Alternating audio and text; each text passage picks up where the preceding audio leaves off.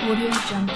Štiri ženske, En mikrofon, Preveč filmov, preveč Audio Jungle.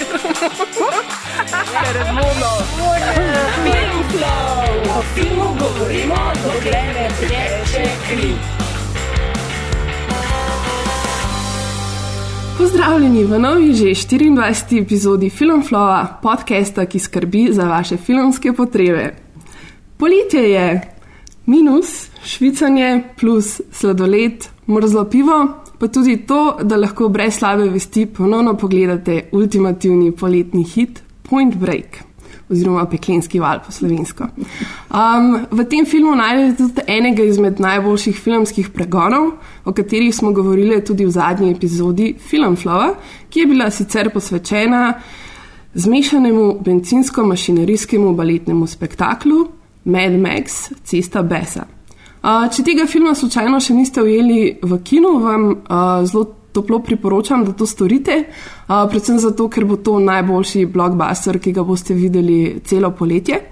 Um, film je res tako dober, da v bistvu bi se lahko tudi danes o njem pogovarjali, ampak danes je čas za malo drugačen podcast, uh, ker smo se s puncami pogovarjali, kaj bi lahko v bistvu še naredili v tem.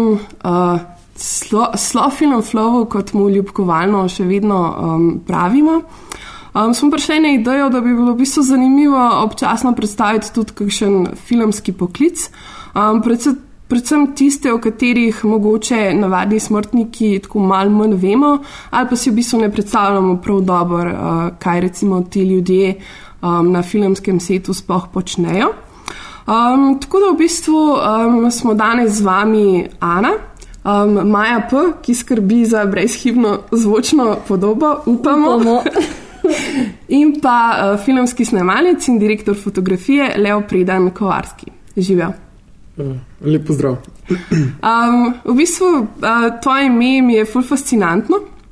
Um, imam uh, o tem eno anegdoto. Um, zdaj že nekaj časa delam na festivalu slovenskega filma, kjer med drugim skrbim tudi za akreditacije. Uh, in ko na moj e-mail pridajo ti obrazci, se ponad zabavam s tem, da si predstavljam, um, kako oseba z tem imenom izgleda. Uh, in ko sem na svojem mailu prebrala ime Leo Predan Kovarski, sem si predstavljala enega tazga uglajenega gospoda, 60 plus. Um, s takimi, z, z lepo belo frizuro in s fulkošatimi um, belimi brki. Um, oh, boy, was I wrong? Um, zdaj za vizualno podobo si boste uh, pogledali kar našo spletno stran um, ali pa spletno stran uh, podcasta um, oziroma mreže Apparatus. A to je um, referenco tega, kako si se mene predstavljala, ali zato, kako je zgleda? um, mislim, to je bilo pač samo bazirano na imenu, pa na moji domišljiji, pač iz yeah. tega imena, um, na ničemer drugem. Mogoče tudi, um, glede na, um, mogoče tudi glede na to, da um, si zelo uglajeno odgovarjal, no, da si imel zelo uh, tak uh, lep način komuniciranja. ja, ne, hvala za kompliment. Uh. Če se ne motim, si v bistvu uh, lansko leto diplomiral oziroma magistriral na univerzi v Loču. Um, v bistvu me zanima, kako si um, sploh pristal na, na tej šoli oziroma um, kako izgleda recimo predmetnik um, nekoga, ki študira uh, za direktorja fotografije. Mm, ja, pač pristal sem tako, da sem nekako si želel uh, te filmske vode. Uh, Ker sem bil mlajši, bolj, sem malo ciljal na režijo, ampak pa se mi je nekako tako uh, situacija razjasnila, da, da je moje mesto drugje. No. Um, kar se tiče pa predmetnika, je pa izredno pač stvar um, različna, odvisno od šole. No. Pri nas je bil. Um, um, bom rekel, obsežen, milo rečeno, eh, ker je vključeval recimo kot en tak, eh, bom rekel, eksotični predmet, kar se tiče ne, recimo, vizualnega, ne, je, bil, je bila teorija glasbe. med drugim. Tako da- Zanimivo. Ja, sem se mogel note pa harmonije učiti v vem, pri 23. In 24. mogoče lahko malo elaboriraš, kje recimo, zakaj je to koristno um, za diopija. Mislim, za DOP-ja, oziroma za direktorja fotografije, no, da se bomo eh, lepo eh, slovensko izražali. Okay. Um, koristno je biti uh, ne, razgledan človek. Ne? Uh, direktor fotografije ni samo oseba, ki pride na, na filmski set in prižge par luči, pa prime kamero v roke, pa nekaj posname. Ne? Um, tako, da, tako da vs- vsak predmet, vsaka stvar, ki se jo lahko naučiš, ki lahko širi obzorje, je pač absolutno uporabna. Ne? Um, kar se tiče glasbe konkretno, je tako, da je film del filma je tudi glasba, to je ena stvar, valjda, ne. Uh, druga stvar je pa ta, da je film, mm, oziroma glasba, uh, prav tako kot film ritmična. Ne. In v filmu uh, so pač ritem kot neka osnova, ampak gre za neke ča- čase trajanja posnetkov, premikov in tako naprej. In, tako naprej. in, in če se nekdo recimo, izobražuje na področju glasbe, lahko potem tudi bolje razume. Vem, recimo režiserja, ki ima idejo, da bo ta pa ta prizor konkreten imel v montaži dodano neko glasbo in se lahko nekako boljš sporazumeta, sporazumevata, kako to narediti, da bo dejansko tako, kot bi si želela. Ne, bo, Mm. V bistvu tukaj zdaj govoriva bolj o, o tej kreativni plati um, uh, dela um, direktorja fotografije, kaj pa mogoče bolj ta tehnična plat. Ja, tehni, tehnična plat vključuje pač neka popolnoma tehnična znanja, ne? poznavanje v bistvu orodij, s katerimi, s katerimi delamo, katerih se poslužujemo pri svojem poklicu. Uh, in je praktično se ne razlikuje uh, v sami ideji od nobenega drugega poklica, kreativnega ali nekreativnega. Ne? Vsak pač obrtnik, oziroma obrtnik uh, je kreativec um, in seveda na koncu tudi vsak umetnik bi moral do obisti poznati svoje orodje. Ne?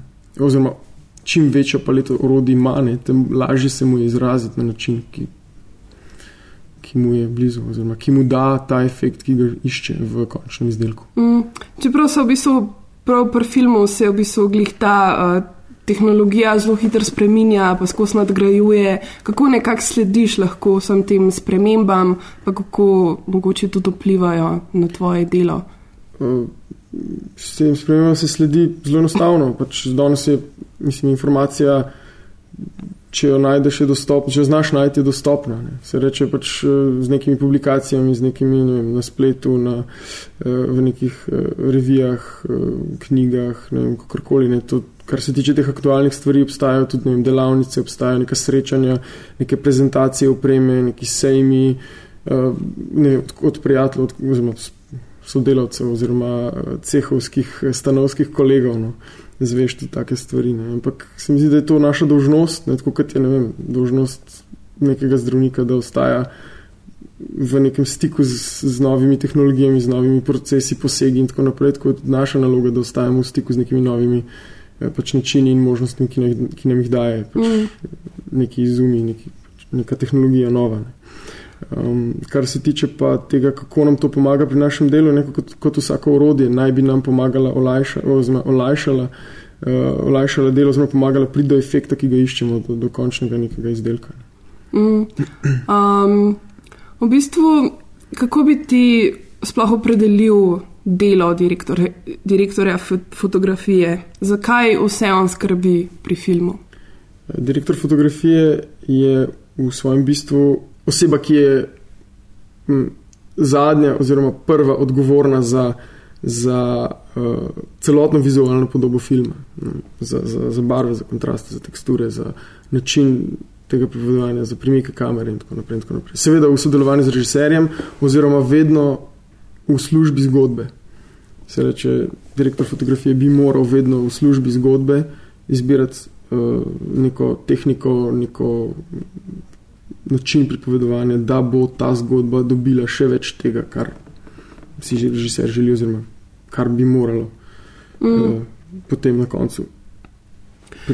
Za meni so, recimo, um, ko sem malo pač brala o tem, kaj počne direktor fotografije, um, se mi zdi, da je v bistvu ena zelo zanimiva stvar uh, pri njem to, da je ta nek vezni člen med um, režiserjem in med vsemi ostalimi, um, recimo, sodelavci na, na setu nekako. Um, mogoče bi najprej um, malo se pogovorila o tem, kakšno je sploh razmerje um, režiser, direktor fotografije.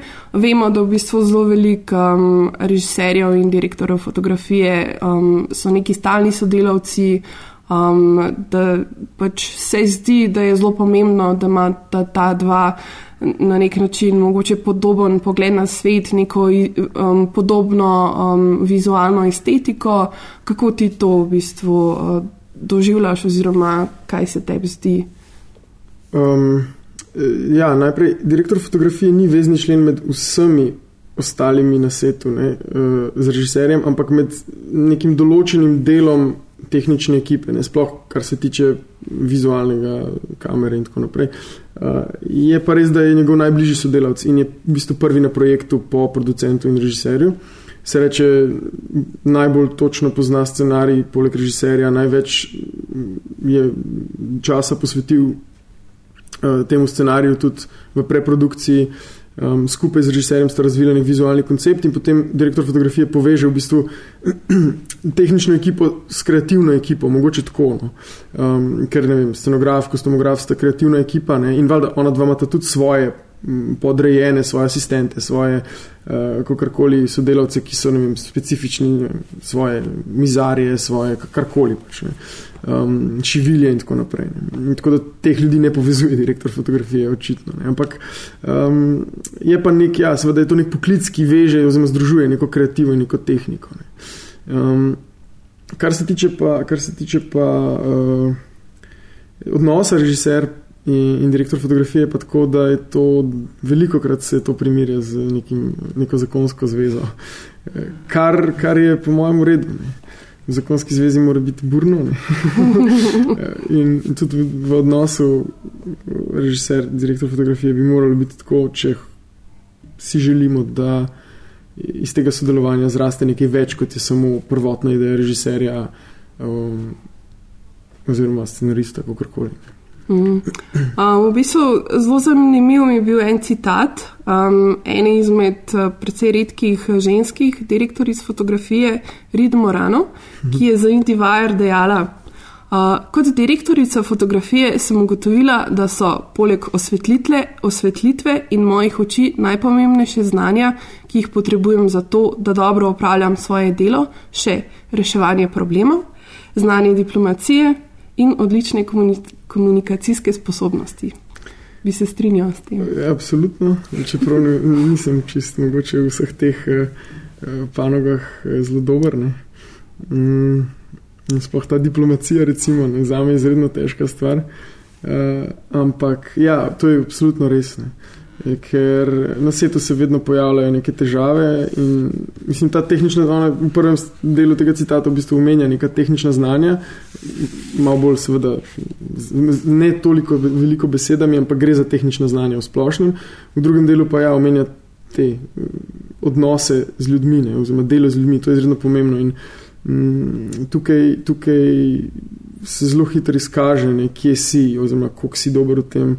Eh, in tudi moraš, saj jaz veliko delam na tem, oziroma se, se probam uh, koncentrirati na to, da sem nek sodelovec, s katerim se da delati. Mm. Ker uh, imam pač neke svoje, vsak ima neke svoje. Posebnosti, ne, osebnostne, in, in treba je pač imeti valjda ekipo, ki dobro sodeluje, ki se razume, ampak vedno se na svetu najde nekdo, s katerim uh, praktično imaš nek problem, ne. ali osebni, ali tehnični, ali kakorkoli. Pač, ali počasih se pač ljudje sami ne razumejo. Ne. In, in pač profesionalci morajo znati delati. Drugač pa seveda tudi, vem, tudi komunikacija z režiserjem. Ne. Ni vedno enostavno režiserju prodati svoje ideje ali pa ga pripričati, da, da, da je vse en to, kar on hoče povedati. Eh, zahteva neka drugačna sredstva, kot se vam predstavlja. Ne. To je v bistvu najtežje, tudi mislim, vsaj za me, no, kot uh, za direktor fotografije, je naj, največja frustracija tudi iz tega izhaja. Poleg nekih slabih odnosov z določenimi sektorji, če ne, nimamo pogojev, če se ne da zmeniti enih stvari normalno, ne, je to, da z režiserjem razvijaš nek koncept, razvijaš nek film um, in ga nekako ne znaš, ne znaš uporabiti teh diplomacijskih, um, diplomatičnih, kako se temu reče, uh, prijemov uh, diplomatskih prijemov. Diplomatskih, tako, ja. uh, tako, ja, mm, diplomatskih prijemov, da bi ga prepričal, oziroma da bi ga speljal na pravo pot, kar pač pravo zdaj, ja, ne, uh, v, v službi filmov, v službi zgodb. Živa, oprosti, si slučajno od tukaj. Sploh nisem hotela pricem. Imela sem štop do morja, pa me tipka tukaj ven vrgu. Kam pa sploh greš na morje? Jader. A potem grem lahko s tabo. Ne, prost, moram biti sam. Lahko pospravljam. Pobljubam, da se cel dan sploh srečala ne bova. Ravno kar smo slišali odlomek iz filma Potoraj, ki je celovečerni prvenec eh, režiserja Blaža Završnika in smo ga v bistvu lansko poletje lahko gledali v naših kinih. Um, je bil pa to tudi film, na katerem si, če se ne motim, v bistvu ti um, delal, delal prvič kot DOP. Tako, um, je bil to tvoj prvi celovečerec, total. To je bil tudi moj prvenec, ja, tako kot Blažov, to je bil najmanj skupni prvenec. Okay. Um, bi mogoče kaj več povedal o tej izkušnji, kako je sploh prišlo do tega projekta? Um, ne vem, če imamo dovolj časa za kitajsko, ampak. Um, lahko tako v dveh stavkih. ja, uh, to je bil projekt, um, ki ga je Blaž razvil skupaj, mislim, da z uh, Andrejem Zupancem, uh, pa Ajdo Smreka, pa Klemnom Janžičem, to so napisali scenarij. In so iskali pač nekega sodelavca, in niso vedeli, če vzeti nekega profesionalnega tonca ali če nekega direktorja fotografije. Pač ni bilo nekako tako prostora, tudi ker je bil sneman na jadrnici, ne, so vedeli, da bomo razlomili to ekipo ne, in so se pač odločili. Eh, na koncu so se odločili za, za direktorja fotografije. In bila še mene klical, jaz sem bil še na polskem, sred nekih lokacij, iskal sem lokacije za nek svoj šolski film in mi zvoni telefon in jaz sem vedel, kdo je on. Ne. On pa ni vedel, mislim, on je bil na isti srednji šoli in tako in jaz sem njega poznal, on pa mene ne, ne kliče, če bila završnik, jaz tako. Oh, To je pa nek režiser, ki me kliče, a mogoče bo film. Ne? In mi reče, ja, da on pa bi rad posnel nek, nek film. In, in mi, da se v bistvu prej nismo zares poznali. Mislim, da sem vedel za njega, on pa za mene, mislim, tako. In, in nekako zaupal je, zaupal je m, mislim, da Ajdi pa Klemnu, ker sem s Klemnom že nekaj prej delal, a zdaj da se pa že dolgo poznava, ki ste mu pač nekako po nekih opcijah, ki se niso iz, ne vem, oni, neki ljudje niso mogli, drugi, ne, ki jih je on poznal, sta ona za mene predlagala, pa sem jim fluh hvaležen za to. Uh, tako da sem dobil priložnost in smo to posneli. Film je pa sneman brez, praktično mm. brez sredstev. Ja, nekaj o tem, kako se je snimal, bo več povedala še v, um, zdale, v nadaljevanju. Um, zato, ker sem nekako si zamislila, da bi si ta film vzela kot nek uh, case study oziroma študijo primera um, in bi v bistvu na tem uh, filmu povedala, kaj vse dela DOP v posameznih fazah, se pravi v sami predprodukciji oziroma v pripravah na snemanje, na samem snemanju in potem tudi v postprodukciji. Tako da začneva kar na začetku, um, kako so potekale v bistvu priprave na snemanje tega filma. Ja, zdaj, ta, ta film mogoče ni najboljši primer. Ne. Jaz pa mislim, da je kar super. Ne, leh to ni, ne, ker um, mislim, oprosti, Ana, ampak gre za to, da pač, za, za predstavitev tega, kaj se dela, ne bi moral vzeti nek film, ki je narejen po nekih ustaljenih, bomo rekel, smernicah oziroma ustaljenih principih dela ne, na filmu. Mi smo pa pač delali to sami. V Sloveniji smo. Vse, vse, nima veze, kje smo. Ne. Tudi po Sloveniji obstaja neka preprodukcija, ne. medtem ko mi na Potoraj smo imeli to preprodukcijo, je bila pa veliko krajša, veliko, mislim, zelo drugače izgledala, zaradi tega, ker, um, ker je pač ta cel proces je bil popolnoma, mislim, popolnoma, bom rekel, ne, ne, ne, ne ukalupljen. Ne. Zdaj pač Blaž je hotel svoj film posnet sam in on je potem dejansko poiskal nekoga, pa se je to pač iskal nekoga, da bi bil producent in to je bil potem Jani Sever. Um, Ki dejansko, seveda, kot mi vsi, pač noben ima za res velik denarja, ne, in smo pač Jani, pa nam je dal neke pogoje, neko kamero, neko opremo, mi do zblažen smo neko svojo opremo skupaj sestavljali, malo smo si sposodili od Mielnikarja, malo smo si uh, sposodili še ne vem, spomnim se točno. Ampak tako, no, vse smo nabrali in smo v bistvu nekako naredili smo neke teste, to, kar se v preprodukciji dela. In če se že o tem pogovarjajo, ja, pač uh -huh. najpomembnejši so pogovori o scenariju, ne, pogovori o zgodbi, pogovori o tem, kako, zakaj, kaj, kje, na kakšen način, vizualno. Ne, to, če govorimo o pogovoru direktor fotografije, režiser. Ne. Potem se gre, seveda, ob enem, ne, se, se gre potem, ne, se napiše snemalno knjigo, ki naj bi bil nek seznam kadrov, ki, ki jih želimo posneti. Uh -huh. To je snemalna knjiga. Um, kateri tudi, mislim, v kateri je tudi zapisan ta način pripovedovanja, privzeti način pripovedovanja za ta določen film. Um, potem se išče lokacije, ponovadi se išče tudi igralce, seveda v preprodukciji, v neki fazi, ki lahko, pač to lahko traja, to je zelo odvisno. Včasih režiserji pišejo scenarij konkretno z nekim igralcem v mislih, včasih ne, pa, pa castingi trajajo lahko mesece. Um, ne vem, naslednja stvar, iskanje lokacij, gled, mislim, potem te lokacije, seveda, koliko so primerne, kaj je treba spremeniti, kaj je treba dodati, kaj je treba oduzeti, a se to sploh da, a bo treba kaj v postprodukciji ven brisati, kakorkoli. Ne? Vse to, koliko so primerne za naše snemanje, kdaj bomo tam snemali, vse te stvari se v preprodukciji določijo v bistvu, ne? ker snemanje samo je, bom rekel tako, snemanje samo je izvedba. Uh -huh. Ampak to je. Mm, to je zelo tak, uh, uh, kako bi rekel.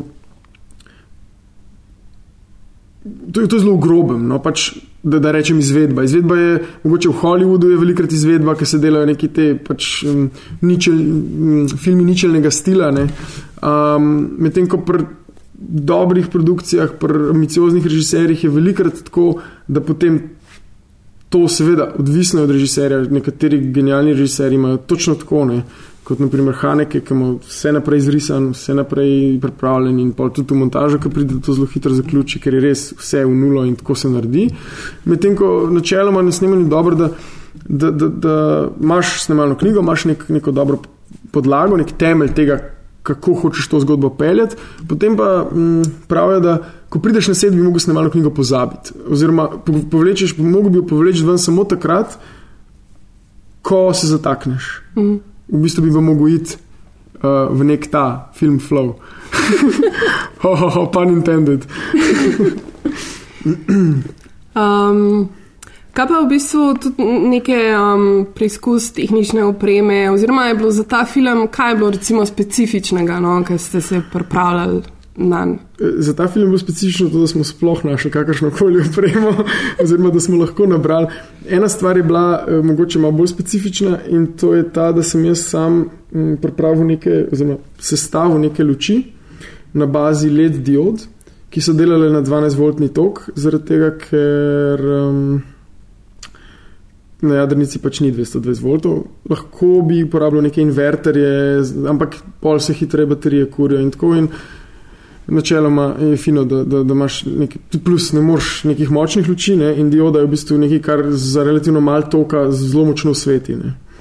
Um, tako da je. Um, Sem jaz te luči pač pol nekako ja, naredil, ne, v bistvu. um, in so nam rešili so nam nočne prizore, no, ker brez tega pač bi bili v temi in ne bi mogli nič delati. Uh, to je bila ena taka specifika tega, ker ponovadi se to renta. um, ja, ne vem, Jani Severno je dal kamero, pa tudi, jaz sem tudi neke mini teste naredil, uh, ker te luči so. Tudi imajo neko specifično barvo, diode niso bile profesionalne diode za film, ki, pač, ki jih ne moreš zaresniti dobiti tako komercialno, pa drage so pa tako. Ampak pa sem z nekimi filtri kompenziral te manjke teh diod, pa, kar je pomenilo, da sem moral neke teste narediti, pa teste kamere. Pa, to, kar se v bistvu vedno bi moral narediti pred filmom, ne, oziroma naloga direktora fotografije je to, da naredi teste, zato da vidi, če je to, kar si je zamislil, um, primerno za film. Ne. Pač riziko, ko delaš film, je prevelik, da bi šel v to nepripravljen. Ne. Govorimo seveda o igranem filmu, ker za dokumentarce je to malo drugače, ampak um, pa tudi za dokumentarce se dela nekaj testna snemanja in tako. Mm, ampak ja, načeloma, načeloma je tako, da, da, da je riziko prevelik, preveč denarja se vlaga v projekt, da bi potem eh, na svetu ugotovil, da je neka oprema nekompatibilna ali pa da je nek način svetenja, neka svetloba, ki si jo zamislil, ni primerna za to, kakorkoli. Zato se dela vedno teste, da se ve, tako pa tako smo rekli, tako pa tako bomo tudi na svetu naredili. Seveda pa se znotraj tega lahko premikaš, ne? ampak imaš pa neko, si pa siguren, da, da če boš nekaj naredil, da si to preveril in da to deluje na ta način, kot hočeš, da, da nimaš potem kakšnih problemov. No, mm.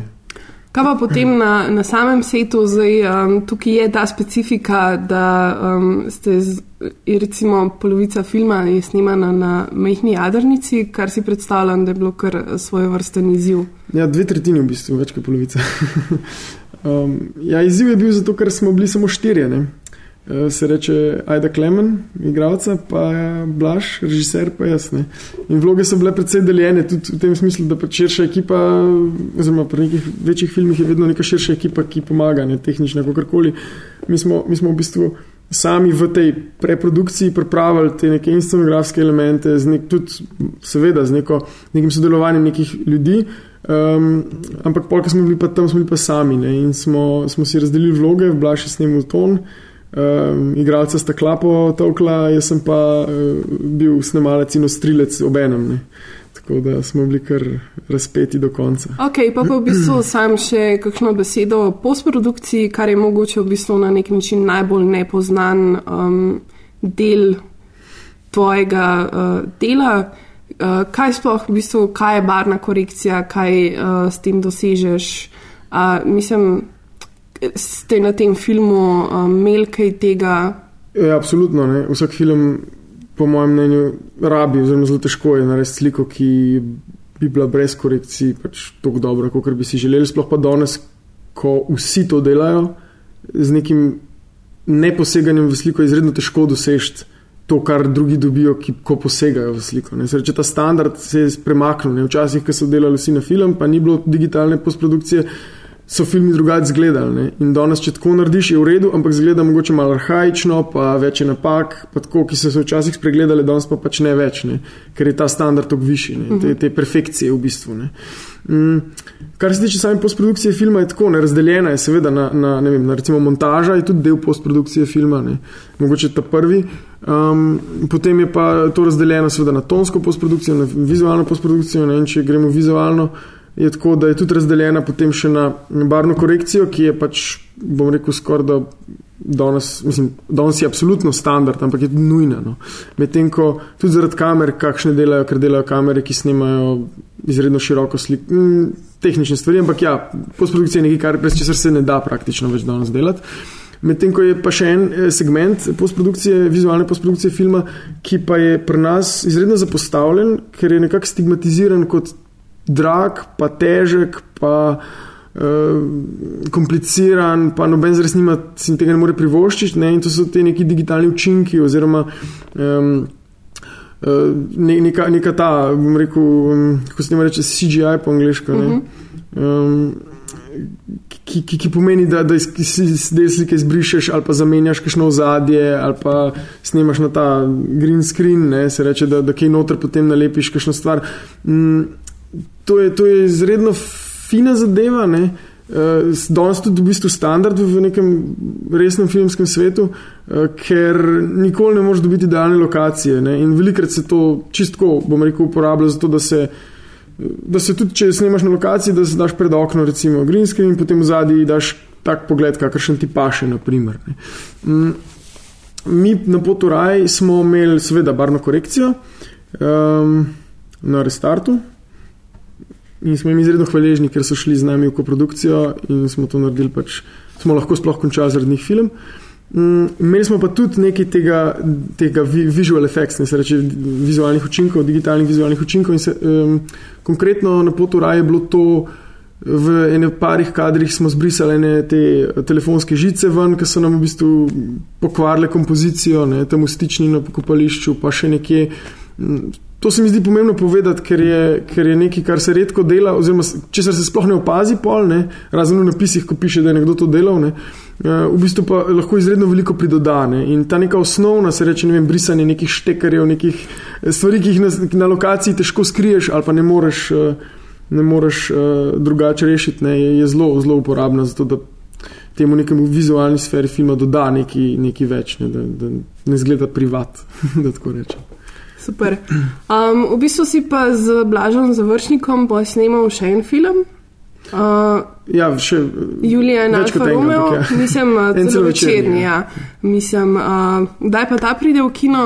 Ne vem, kdaj pride v kino, domnevam pa, da bo prišel jeseni, ker zdaj, smo lih, uh, zdaj lih delam uh, v Telekingu, delam postprodukcijo, uh, ki so tudi, so, so tudi krasni, tako da nam gre kar dobro. No.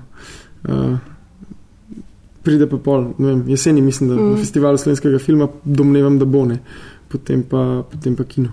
Super. Si pa letos po zimi snemal tudi en dokumentarc, oziroma ne vem, mogoče dalj časa uh, o planici. Pa ja. me v bistvu me zanima, um, če je snemanje dokumentarca, v čem se razlikuje mogoče od snemanja nekega igranega filma. Ja, razlika je precej velika. Ne? Je pa tudi res, da je zelo odvisno na kakšen način, uh, kakšno zgodbo in seveda na kakšen način posledično snemaš in igrani in dokumentarni film. Ne? Ker obstajajo, seveda, um, poleg tega, da filmi, igrani filmi, ki so posneti na zelo dokumentaren način, kar ne pomeni, da niso pripravljeni. Um, in dokumentarci, ki so posneti na izredno pripravljen način, se reče zelo premišljeno, z postavljanjem nekih luči. Ni vedno tako, da je dokumentarc film, ki, kjer vzameš kamero v roke, nekam odiš in nekaj snemaš. Ne. To je pač en način. Ne. So pa dokumentarci, ki so zelo podobni igranim filmom, v teh predpripravah, v načinu vizualne naracije, v odločitvah, kako bomo, kakšna, mislim, kakšen premik kamere, kakšna luč in tako naprej. In tako naprej ne. tako da, ampak, ja, dokumentarc načeloma pa je seveda bolj, bolj improviziran, bolj odvisen od neke situacije, ki se zgodi. Mm, Tudi mogoče od nekega trenutka, da ujameš glih Absolutno. tisto. Ja, če um, te sorte dokumentarec, ja, točno to. Uh, meni je to, pom- ko sem iz celovečernega ne, filma, pa še nekih kratkih igranih filmov, potem začel delati te dokumentarce, ta v Planici pa še en, no, zraven smo delali, i- sem v bistvu ugotovil, da so bili za me izredno sproščujoči, ker je um, mnogo manj stresno v tem smislu produkcije, mnogo manj ljudi, je, s katerimi, ker smo delali ta tip dokumentarca, da prideš in snemaš neke situacije, loviš neke ljudi. Uh, zdaj, planica je malo drugačna, govorimo o enem še usporednem dokumentarcu, enih um, brezposelnih mladih, um, v bistvu mladostnikih. No, tako.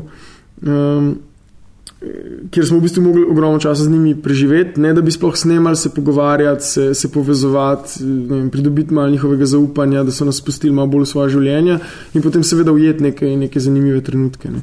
Je, je veliko manj stresno v tem smislu, ja, ker ni vem, 30 ljudi ekipe, s katerimi moraš vsak dan z vsakim neki pregovoriti, pa z režiserjem, s katerim se dobivaš. Vsak dan, potem, ko že vse to delaš, cel dan se zvečer še usedeš, pa še snemalno knjigo delaš ali pa um, karkoli, ne, pač nekaj, ampak je v bistvu veliko bolj tako. Danes gremo, delamo to z njimi, če bo kaj bo, če ne bo, ne bo. Ne.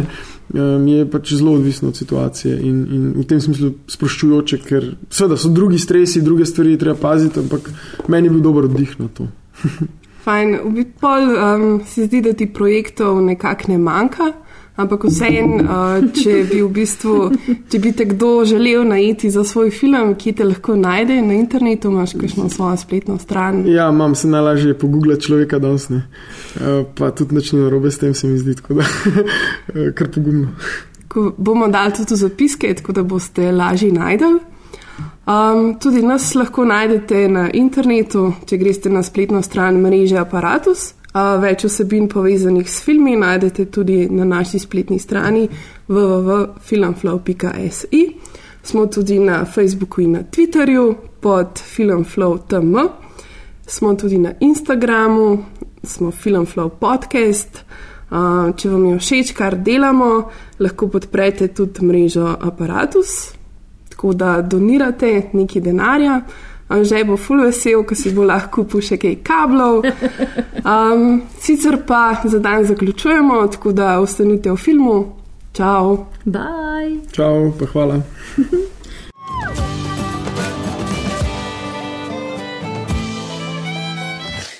Dobro jutro. Kje pa sva? Tam, kot včeraj. Huh, še dober.